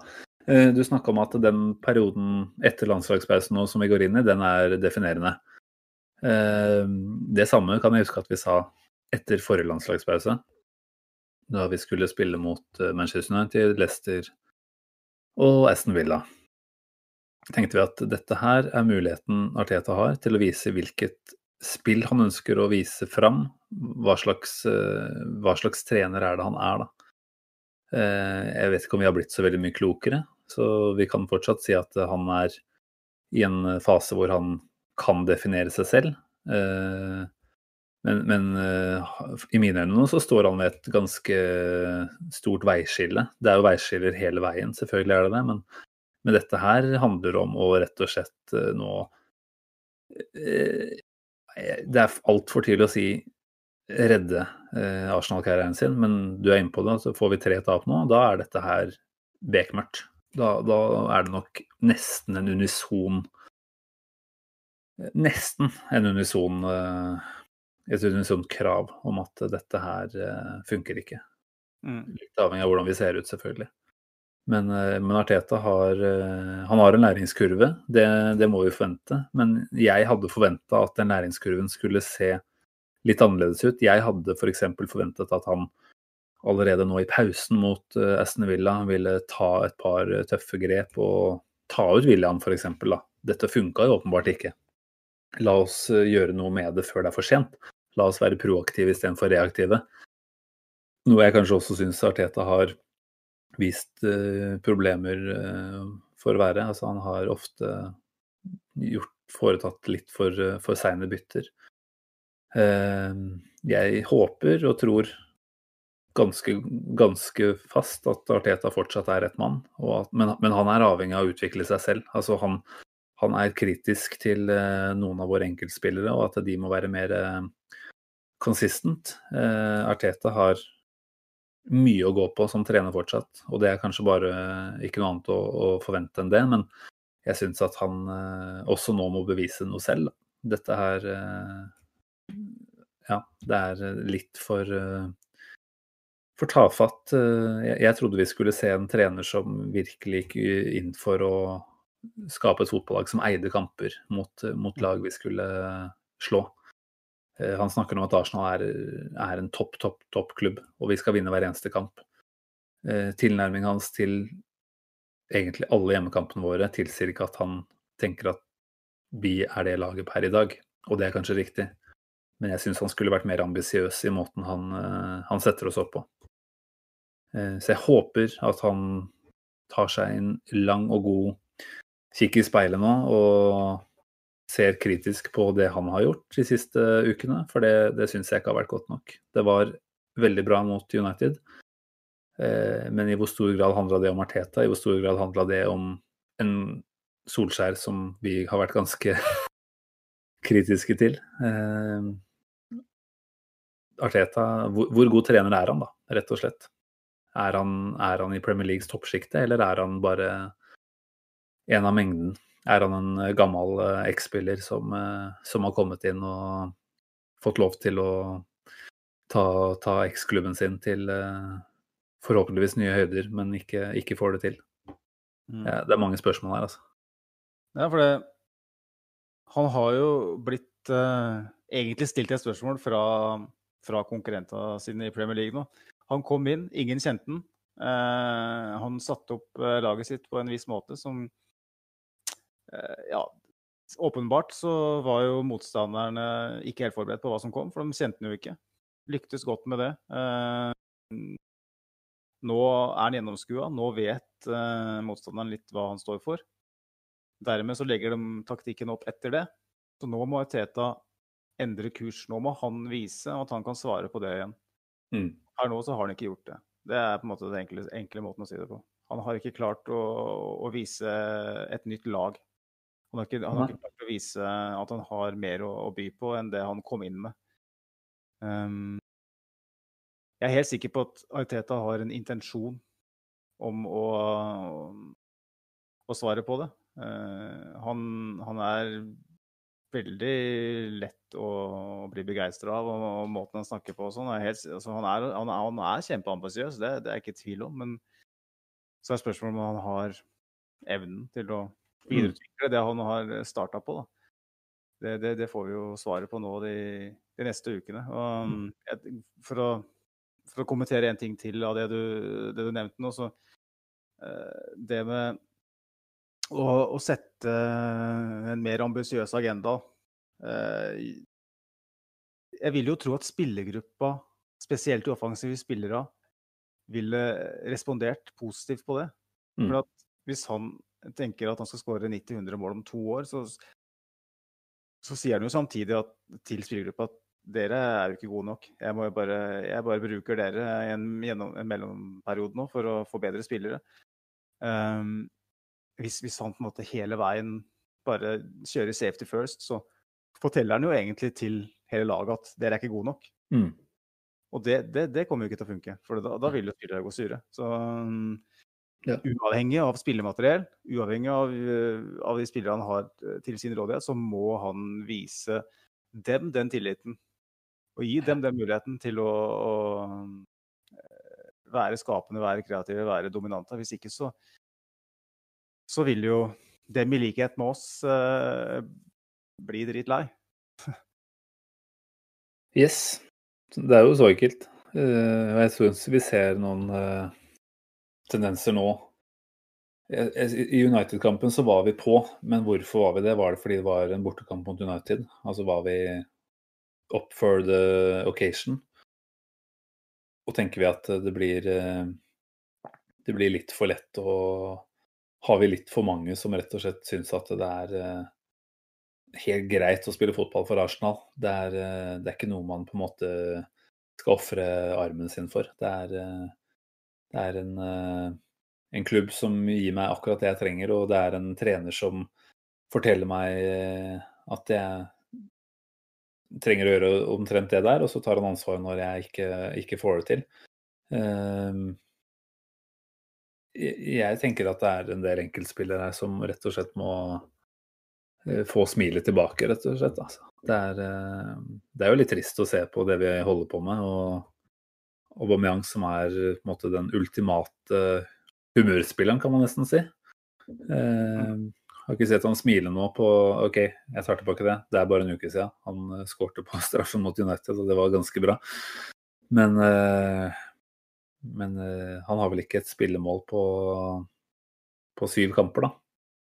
Arsenal har vel ikke et spillemål for så vidt som lag på over fire matcher, siden PP skårte mot eh, Sheffield United. Eh, det er, eh, det er mange hengehuer utpå der nå, og vi trenger faktisk å få de helt basic tinga på plass. Da. Og det er spilleglede, og det er energi. Det er altfor lite energi det vi holder på med. Og da tenker jeg at uansett hva Arteta ønsker at vi skal holde på med, så så får vi det ikke til så lenge energinivået på det, på det opplegget som det er nå. Mm. Åh, jeg, jeg, vet ikke hva jeg skal si. Det er, det er litt trist i dag. Um, det er bare én kamp. Det er, det er sju dager siden forrige Sju-åtte dager siden vi vant for første gang på 14 år på Old Trafford. Og nå sitter vi her en uke etterpå og er tunge som F, ikke sant. Det er jo egentlig helt tullete, for vi visste at den sesongen her kommer til å by på opp- og nedturer. Men uh, jeg, jeg, hadde en tanke om at nå vant vi mot United. Nå, nå, har vi fått noen svar. Nå skal vi fortsette å bygge videre. Og så sitter vi her etter Aston Villa, og så føler jeg meg ikke noe klokere, da. Og det, det er det som frustrerer meg. Jeg skjønner ikke hva faen det er vi holder på med. Nei. Eh, jeg tenker jo Jeg tenker jo at uh, vi må gå tilbake til uh, første perioden under Emery. Uh, hvor vi selvfølgelig etter så lang tid under Wenger tenkte at gi oss et eller annet annet, noe annerledes. for ting hadde på en måte blitt veldig sånn satt og kjedelig og forutsigbart. og det vi krevde da, utover det at det var noe annet, var at vi krever ikke resultater umiddelbart, men vi krever at vi ser en progresjon. Vi ser, at vi ser hva det er som faktisk er planen her. Det så vi ganske fort under realiteten. Vi så veldig klart hva det her har prøvd å gjøre. Og det ser mm. vi egentlig fremdeles. Men vi ser, ja, vi ser det blir mer og mer borte. Ja, men vi ser ingen progresjon. Nei. Vi ser fortsatt det han prøver å gjøre. Eh, sånn, som et sånn grunnprinsipp. Eh, men vi ser ikke noe progresjon utover det. Eh, og da er det liksom greit nok hvis vi har tapt i går og tapt mot Leicester etter å ha bombardert mål av dem, som har vært dominante og vært uheldige, eller kanskje litt skal jeg si, ja, litt mindre smarte det vi gjør, da. Så OK, liksom. Vi har noen unge spillere her og der. ikke sant? Vi har en Gabriel som er 22 i midtforsvaret sammen med Holding som ikke har spilt all verdens førstelagsfotball, eh, tross alt. Så OK, om vi så gjør det, eh, så lenge vi på en måte eh, ser at ting går fremover, at vi, at vi, har en form for progresjon i det vi holder på med, da er det lettere å akseptere et tap. Men når vi taper fotballkamper og vi ikke viser noe spillermessig progresjon uh, i det som egentlig skal være the, the bread and butter, da, det enkleste, nemlig hjemmekamper mot presumptivt svakere motstand, da uh, får hylekoret vann på mølla. Fordi mm det blir liksom uh, nesten meningsløst å sitte og se på et, et såpass, en såpass stor klubb og såpass godt lag som Arsenal. Eh, en hjemmekamp som på en måte ikke tar initiativet og ikke viser noe form for direction offensivt. Da. Eh, det er det vi for så vidt er veldig vant til når vi spiller, spiller sånne kamper. Men det er, det er et eller annet som, som mangler i, i det neste steget for Teta. Han har vist han kan ta steg igjen veldig godt. Han, han gjorde nesten en bemerkelsesverdig god jobb fram til eh, si august. Da. Men etter det så har han vist Han og Arsenal vist igjen bemerkelsesverdig lite. Eh, Det er flata ut. Det er flata ut veldig. Opp og ned, opp og ned, og så er det egentlig ganske flatt eh, jevnt over. 4-0-4 står vi vel med nå. Det er, det er jo enkelt og greit. Det er eh, noe som en uh, niende-tiendeplass vil eh, sitte igjen med til slutten av sesongen. Ja. Thomas, eh, Granling, Gra, Thomas Graning Lund skriver til oss på Twitter at vi har hatt én veldig god match denne sesongen mot Fulham. Og det er bekymringsverdig at vi ikke ser en viss positiv utvikling på Mm. ti matcher. Jeg vil si at uh, kampen mot United var veldig god. Jeg syns Ja. første omgangen mot United var mye bedre enn det vi så mot eh, Fulham, hvis vi tar motstanden i betraktning. Og så flata vi litt ut i andre omgang, men vi fikk et mål. Og, og totalt sett så vil jeg si at det var en prestasjon som var veldig god. Eh, med forbehold om at vi ikke vet helt hvor gode United faktisk er. Det er en norsk fotballtrener som ikke funker helt eh, helt der borte heller. Men, eh, men han har jo et poeng, Thomas. Det er eh, vi, veldig lite consistency over det vi har holdt på med de åtte første kampene her. Eh, Om det er noe som er eh, consistent, så er det jo at vi er ganske tafatte. Og ganske tamme mot eh, Jeg sa det i stad, på hjemmebane så har vi vært rett og slett begredelige. De, de bedre prestasjonene våre har gått på bortebane mot da Fulham og United. Borte mot City og Liverpool så forventa vi ikke mer, og vi levde i de kampene en god stund. Hjemme så har vi rett og slett vært ræva. Altså vi har vært, eh, vi har vært dårligst i Jeg vil nesten si at vi har vært dårligst i tre av fire kamper. Nei, to av fire kamper har vært klart dårligst, og mot, eh, mot eh, Sheffield United så var det ganske, ganske jevnt, kan du si. Mot Leicester så var vi bedre. Ja, jeg vet ikke hvor vi vil, men dette her må, det må snu fort. Ja, det må skje, det må skje jævla fort. Eh, hvis ikke så vil sesongen eh, spore av, og mm, negativiteten vil igjen, eh, vil igjen være tilbake for fullt. Og Mm. jeg, jeg tenkte litt på det i går, faktisk. Vi, vi lever i en litt sånn spesiell verden nå. Det er på en måte sånn der ukjent farvann for oss alle. Når William ble bytta ut i går Jeg skal ikke gå videre på den William-kritikken, for det har vi for så vidt tatt, men, tatt eh, grundig. Men hvis det hadde vært fans på tribunen i går, på, i det 60. minutt, når William ble bytta ut Mm. Ville han fått et, hadde det blitt konsert? Ja, jeg lurer Nei, jeg, jeg tror ikke det. Tror ikke det? Han jogga av banen, så det hadde gått fint. Ja, det- ja, nei, altså Folk hadde jo ikke vært fornøyd, men han hadde ikke blitt bua. Arsenal-fansen er uh, jevnt over såpass ålreit uh, at de buer ikke av en fyr. Uh, Sjaka var veldig spesielt. Ja. Så det, det tror jeg ikke. Men, eh, men at uh, Twitter-brukerne hadde kasta ut sine uh, bemerkninger, det er ikke noen tvil om. Og det, det er jo med rette. Det gjorde vi jo. Eh, ja, du gjorde det. jeg var en av dem. Eh, Så, men ja, det var et sånn interessant eh, tankeeksperiment. Hvordan, eh, hvordan hadde Emirates Stadium reagert i går? Ja. Eh, Ja, og jeg, jeg, jeg tror at Ja, det er et tankeeksperiment, og jeg tror at Arteta er en sta fotballtrener i utgangspunktet, men jeg tror at han hadde vært han hadde, han hadde vært mottakelig for den responsen som hadde kommet fra Emirates Stadium, både mot uh, Westham, mot Leicester, mot uh, Aston Villa, Uh, utover i kampene hvor det var så lite trykk framover, da. Jeg tror han hadde blitt mer desperat. Eller han hadde latt laget blitt mer desperat. mm, Eh, men, men det er en For meg så er det en diskusjon som Ja, det er, det er nyttig å ta den, fordi vi kommer til å ha mm, fans på tribunen på et eller annet tidspunkt. Men, men per i dag så må vi forholde oss til hva vi, hva vi står overfor. Og jeg tenker litt om at det vi på en måte taper på hjemmebane, det får vi kanskje igjen på bortebane. Så regnestykket sånn sett under ett, det, går litt opp i opp, da. Ja, det er sant. Uh, jeg har jo uh, vært uh, ganske mange ganger på tribunen på Emirates og lært meg å kjenne publikummet der. den sesongen hvor jeg bodde i England, så hadde jeg stort sett billett på samme plass gjennom Arsenal Norge. Um, nærmeste jeg har kommet sesongbillett. Um, og da var det en som satt to seter bak meg, som hadde en sånn standardfrase. Og jeg følte jeg er sånn representativ for en del av Arsenal-fansen. Det er sånn hvis, hvis en Arsenal-spiller som slår en feilpasning etter ett og et halvt så er det sånn herre Wake up, Arsenal! Wake up! Skjedde hver gang, liksom.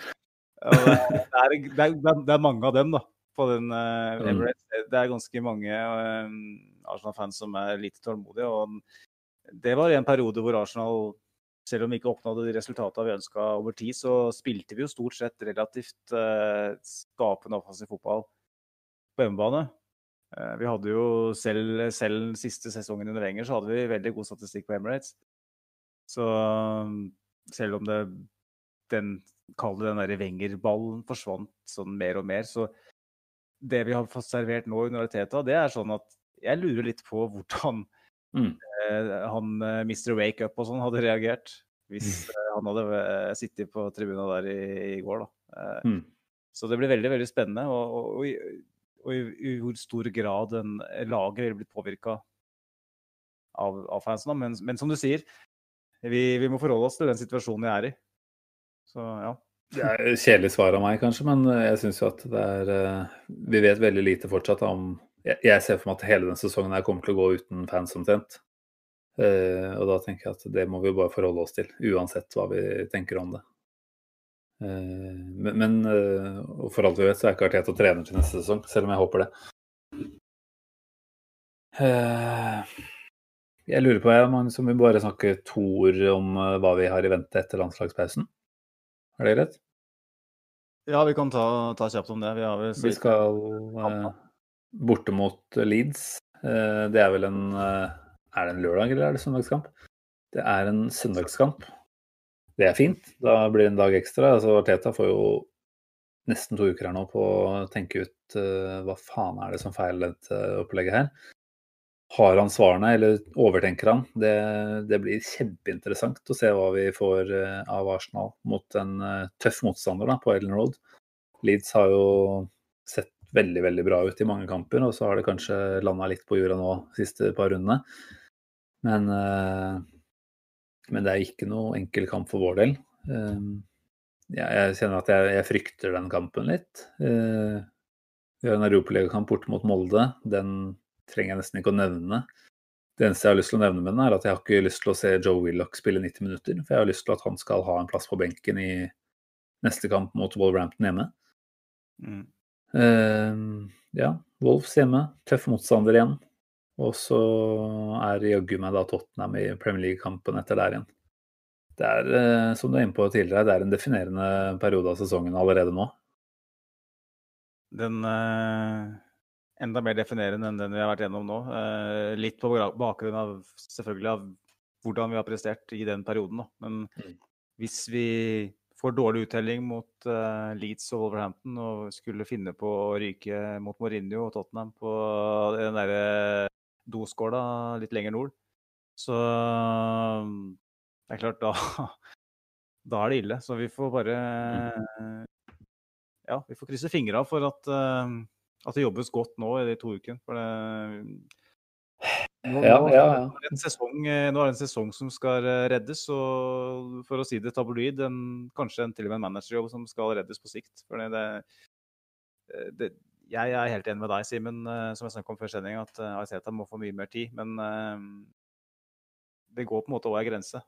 Hvis du ikke klarer ut Det er greit. Taper vi de kampene og spiller en helt annen fotball og viser progresjon, så er det en helt annen greie. Men hvis vi fortsetter på samme måten, mm.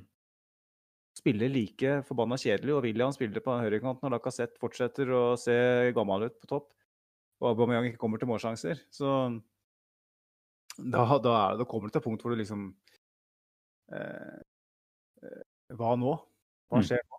Mm. Eh, hvordan skal vi komme oss gjennom det her? For det, sesongen, det er et maratonsesong, og eh, det er fort gjort å havne i bakleksa og, og bli der. For det, nå, nå er det allerede noen poeng opp til topp fire. Eh, det, er ikke, det er ikke mye, men det er, det er nok til at et par tap kan gjøre avstanden litt for stor. Ja. ja. Nei, jeg tenker det er åtte kamper inn, så vi, vi skal ikke begynne å se for eh, ofte på tabellen. Men, eh, men det er noen tendenser her, og alle de underliggende tallene som du har vært inne på tidligere, de, de taler i vår disfavør, da. Eh, Oddbjørn Fiskå på Facebook eh, spør jo eh, litt om hva er vår offensive spillestil. Hvor mye offensiv samhandling har vi egentlig? Skal de fremme bare trylle? Jeg tenker at dette er jo spørsmål som Arteta bare nå må besvare. Altså, det funker ikke offensivt. Du og jeg kan sitte her og snakke om på podden hvem vi ønsker å se i forskjellige posisjoner og bla, bla, bla, men Arteta har ansvaret her. Han må finne ut av dette. Og hvis han ikke gjør det, så er fotballbusinessen ganske brutal. Og da, det er en, eh, allerede da, en risiko for at eh, det begynner å brenne litt under føttene på Arteta, hvis ikke vi kommer ut av de neste tre kampene nå med jeg, jeg tenker jo et minimum av fire poeng der. Eh,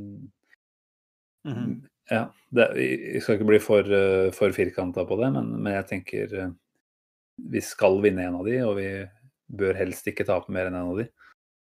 Mm. Og bare det er kanskje litt defensivt å si, men, eh, men det er nå en gang det, det jeg tenker er realistisk per nå. Da. Ja, og um, Haiteta har um, Nå skal jeg sikkert uh, erte på meg eh, noen, men uh, Haiteta har tatt noen ganske sånn tøffe valg. uh, som potensielt sett kan bli genierklært uh, på sikt, men som òg kan være litt hans bane. eh, Når du ikke skaper målsjanser. Og du ser igjen da, hvordan William holder på utpå der. eh, og, såkalt, og ikke følger det såkalt non-negotiables, som, eh, altså, som da skal være en av mest betrodde menn. da.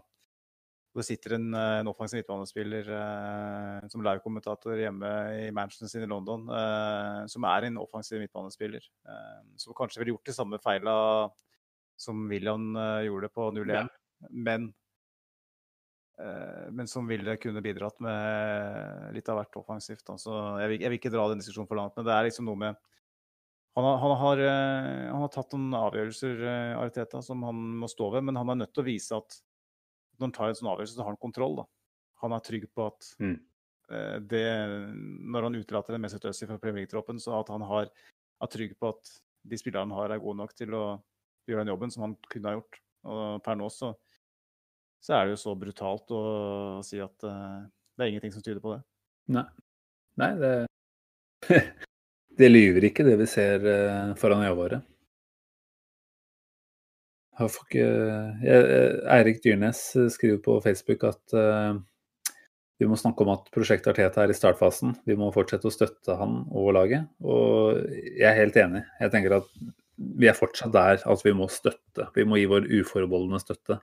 Selv om den kanskje ikke er verdt like mye her i en pod eller på, på internett som den er på Emirates Stadium. Men, eh, men det er altfor tidlig, da. Men uh, Arteta står ved noen uh, ganske store spørsmålstegn. Uh, han må besvare de. Han må finne løsninger, for det er det han får betalt for. Hvis han ikke gjør oss noe bedre, så, så, kommer ikke dette her til å vare eh, veldig, veldig lenge. Nei, det er, det er så brutalt. Så jeg, du og alle de som hører på, ønsker inderlig sterkt eh, at Arteta, skal lykkes mye mer enn noen andre eventuelle som kan komme inn i ettertid. Eh, Det er jo Arteta vi ønsker at skal lykkes. Det er han som eh, virker å være den fyren vi har lett etter. Eh, Mm. Det vil gjøre veldig vondt hvis, eh, hvis, hvis det ikke skulle lykkes. Så står og faller veldig mye på det som kommer til å skje nå i de neste ukene. Og det, det kommer til å føles ganske sånn eh, ekkelt å gå inn i den kampen mot Leeds. Eh, Jeg Mm. kommer til å være jævlig nervøs i de par kampen og føle at åh, fy faen, det her må bare funke. Det, nå må vi se et eller annet. Det, Mm. det er liksom sånn Vi kan, vel si allerede nå at uh, jeg vet at jeg har frihelg, og det er en søndagspod uh, på trappene her. Så vi, vi går jo høyt ut og håper at det blir en ålreit uh, samtale. Ja, det er mye å si det. Eh, Det, det varierer jo veldig stemningen her i podkasten her. Eh, Annenhver uke. Så er det hodet på fat kontra, kontra forrige uke, hvor det var uh, Mikkel Rev. Så jeg, vil ikke si at selv om vi er kritiske til litt av det vi ser, så er vi, ønske, vi er ikke ute etter å ta Arteta her. Altså, vi, vi, det håper jeg ikke i hvert fall noen av de som hører på forstår oss om, da. For det, det er ikke målet vårt. Eh, vi har som du sier ikke noe høyere ønske enn at dette her funker. Eh, men, men selvfølgelig så er det lov å stille noen kritiske spørsmål. Eh, Albert Einstein eh, har vel, har vel sagt det greit at uh, definisjonen på galskap er å hva er det, repetere den samme tingen uh, eller samme beslutning uh, over, over and over again. Og forvente et annet utfall. Jeg Ja. tenker at eh, Arteta må nå innse at å velge William, blant annet, det er nesten på kanten til å bli definert som galskap. Så, så han står ved noen ganske tøffe, eller i mine øyne egentlig ganske enkle valg, men for seg så skjønner jeg at han har, en, han har valgt å ta eh, William under vingene sine. Han, han må faktisk distansere seg litt fra det eh, forholdet der. Eh, så det blir, det blir veldig spennende å se hva vi kommer fram eh, med mot eh, Leeds-kampen. ja, det mm, Det er som du sier. Vi, mm, vi håper at eh, vi ser en eh, en annen utgave av, eh, av Arsenal nå når vi kommer til Leeds-kampen med en Ariteta som da tar, tar litt enkle, men tøffe valg. Så Ja. ja, OK, du. Nei, men du, Magnus. Mm. Dette har vært eh, en tristesse. Jeg håper for guds skyld at du har tenkt at uh, du skal uh, blidgjøre oss alle nå med, med en X-spiller fra de himmelske skyer, og ikke en eh, sånn derre håpløs eh, ja, hva skal vi kalle det, André Santos-variant, som vi har fått høre tidligere. Eh, jeg vet ikke hva du har på trappene når du har skrevet X-spillerspalten min, så jeg venter jo som alle andre her i spenning. Krysser fingra for at det er noe som tar humøret et hakk opp. Eh, Jeg vet ikke om du bare vil eh, kjøre i gang, eller om du har lyst til å si noen introduserende ord. Ja, eh, altså, vi har allerede nevnt André Santos en tre-fire ganger nå så i den podkasten her, så vi skal et stykke bort fra det. Utover det så tenker jeg at vi lar hemmeligheten bevares inntil navnet blir avslørt på slutten av presentasjonen. Kjør, da. Fabregas? Nei takk. Van Persie? Glem det. Klebb? Hørte du ikke hva jeg sa? De som har lest den nylige utgitte Wenger-boka, husker kanskje at professoren var krystallklar på at det å velge å forlate Arsenal betyr enveisbillett ut av London Colony. Once you're out, you're out. Nå finnes det klare unntak fra denne regelen, men resigneringene av Henry, Campbell og Lehmann på korttidskontrakter var som plomber å regne.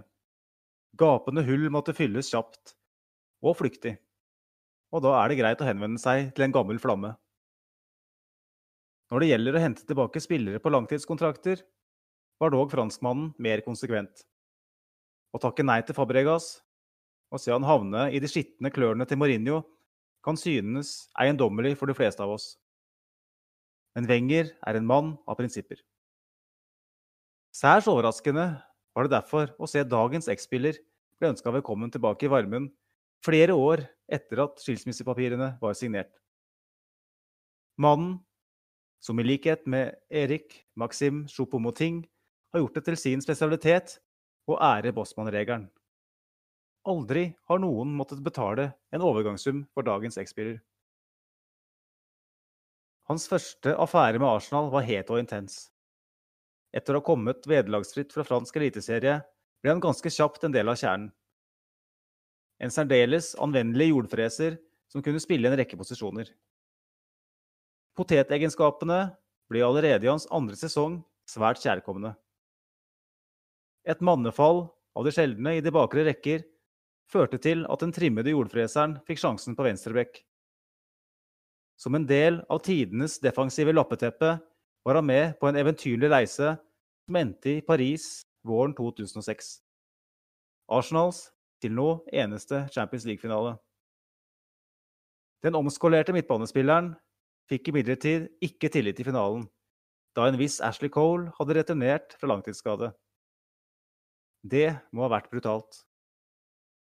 Men som på banen var denne mannen aldri i nærheten av å gi opp. I 2007-2008-sesongen fikk han endelig sjansen i maskinrom på midten. Og som ei brunstig hoppe galopperte han rundt på banen, og motstandernes kunstpauser ble deretter nesten alltid brutalt avbrutt av veldige sprang.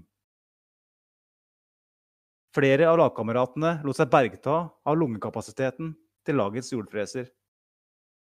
På en midtbane bestående av teknisk briljante spillere som mangla litt pondus og punch, var vår mann selve remedien.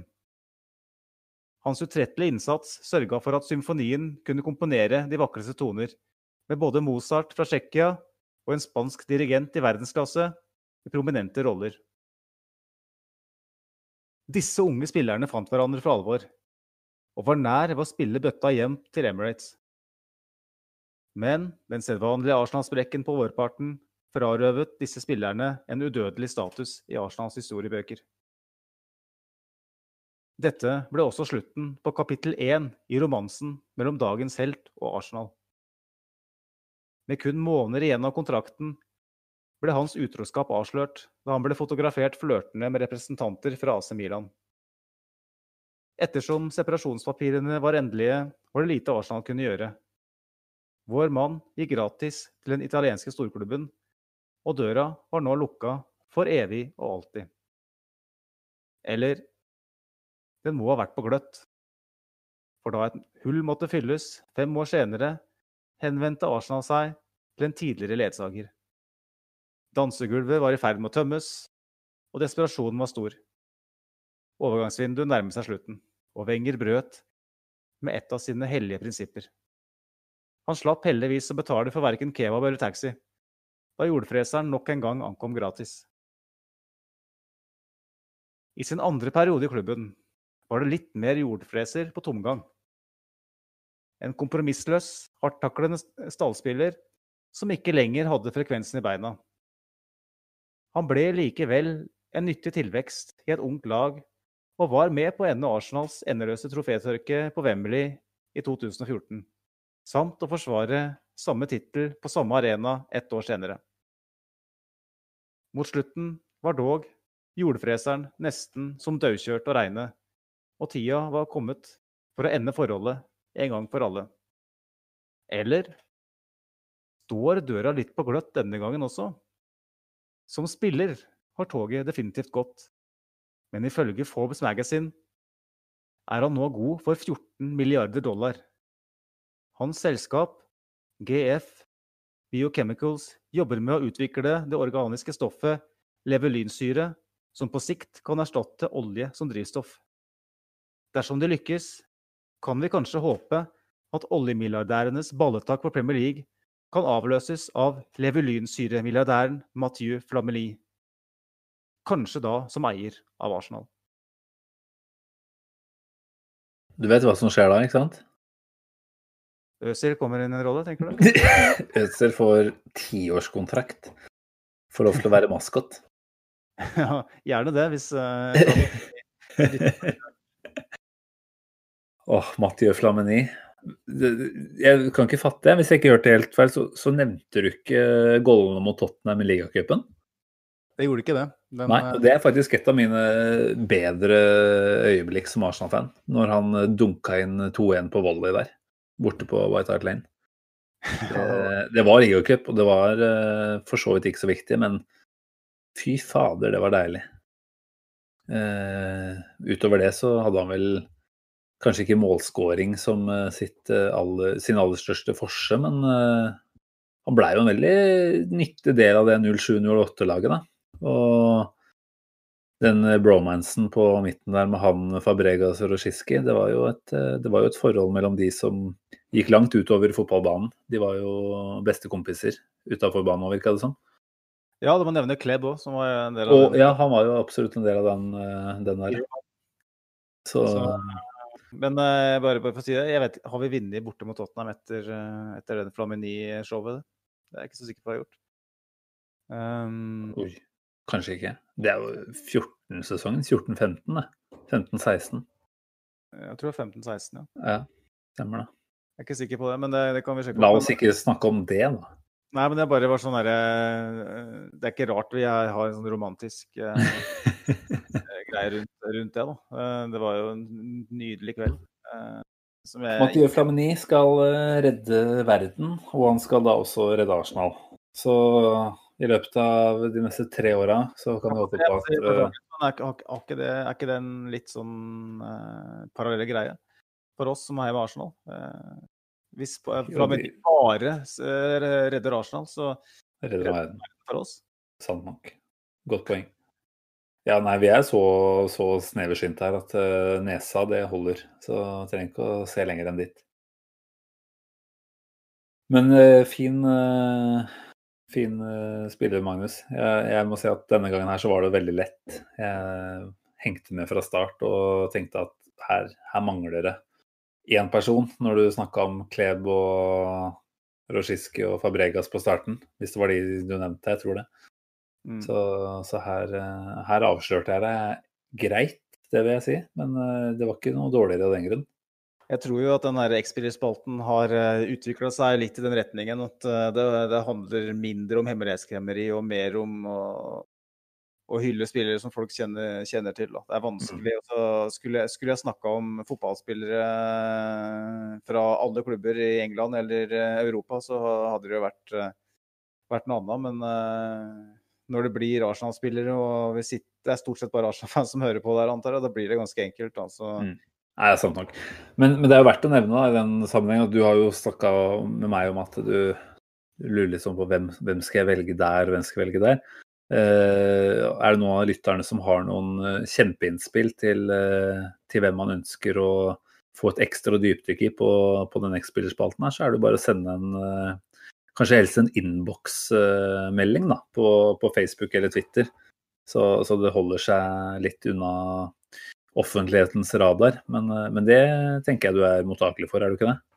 Absolutt. Jeg jeg vet ikke om, eh, om vi har åpen innboks på Vi følger jo ikke Vi er jo litt sløve der. Vi, vi følger jo ikke eh, tilbake. Eh, Da må du opp i ringa, Magnus, og sørge for at eh, Twitter og alt dette her er på stell. Dette, dette er ditt område. Det er litt sånn arrogante typer som bare håper å få masse followers, men ikke gir noe tilbake. Men uh, uansett, altså, vi, jeg tror det går an å åpne innboksen sånn at alle kan eh, Eventuelt nye lyttere òg som ikke følger oss eh, på Twitter per nå, som kan bare Ja. Ta det på Facebook, da, så er det greit. Der er det åpent for alle. Så uansett hvor dere er, så bare Hvis dere har innspill til det, så bare, bare kom med det. Ja. Nei, strøkent eh, levert, Magnus. Du, du fikk på en måte stemninga litt opp denne gangen også. Så og jeg var egentlig glad for det, for jeg frykta jo kanskje at uh, før en Aston Villa-kamp så tenkte du at nei, men dette blir seier. Da tar vi ned eh, tempoet litt. Vi, vi velger en, eh, en X-spiller som ikke nødvendigvis er noe særlig. Eh, og da får vi i verste fall en skikkelig sånn der double trouble-variant, da. Der du kjørte Pires eh, 8-8 en United-seier forrige uke, så tenkte jeg liksom at dette her blir en skikkelig negativ affære. Men, eh, men Lamini syns jeg er eh, en hyggelig kar. Jeg har jo lært litt uh, av de hjemmekampene vi har spilt nå, at uh, ja. da, da blir det vanskelig. For nå, Jeg vet ikke når jeg skal velge de Når van Persie og Ashley Cole og co. skal inn i, i bildet her. Helst aldri, men, eh, men de må vel på plass et eller annet sted.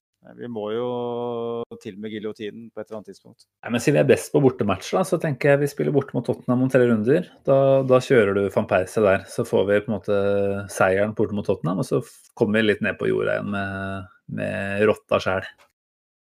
Jeg, jeg tør ikke det, altså. Nei. Nei, men dette, dette styrer du sjøl. Med eventuelle innspill fra lyttere, selvfølgelig. Nei, det, det ble en lang pod i dag også. Eh, Beklager til alle som opplever at dette her er bortkasta tid. Veldig hyggelig allikevel at dere følger med. Eh, halvannen time i uka, det tenker vi kanskje er det er vel unt når, når det snakkes Arsenal eh, opp og ned i mente. Nå er det landslagspause. Vi er litt usikre, Magnus, på om vi får en eh, gjest, kanskje, til, eh, til å komme her i løpet av de neste, neste dagene. Så vi, vi lover ingenting når det kommer til eh, neste pod-episode, men håper at vi kan by på en liten, liten overraskelse. Mm. Mm. Ikke noen avsluttende fraser fra Løten? Eder og galle er distribuert uh, i- utover i det ganske land i løpet av podden, så jeg lar deg eh, kjøre avslutning som vanlig. Og de avslutningene pleier å stå til én i stil, så da, da er det bare å si takk for følget nok en gang. Håper at vi blir et litt lystere lag eh, ved neste anledning, og så høres vi igjen om ikke så altfor lenge. Ha det bra.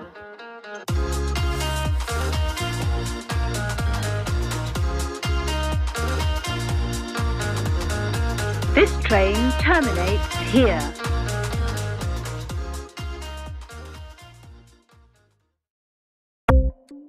Ukens annonsør er HelloFresh.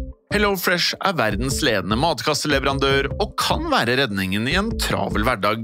Mange av oss har nok vandret i butikken både sultne og uten en plan for middagen, som ender med at vi går for de samme kjedelige rettene gang på gang. Middag burde være dagens høydepunkt. Som HelloFresh kan du nå velge mellom 25 ulike retter hver eneste uke, eller få HelloFresh til å sette sammen menyen for deg. Dette gir deg muligheten til å prøve nye og spennende retter alene eller sammen med familien. Du velger antall porsjoner og får alt levert på døren på et tidspunkt som passer for deg.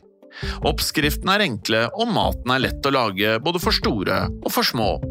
Ved å få alt levert hjem får du også mer tid til å dele matgleden med familie og venner. Kanskje det frister med asiatiske tacos eller greskinspirert kylling?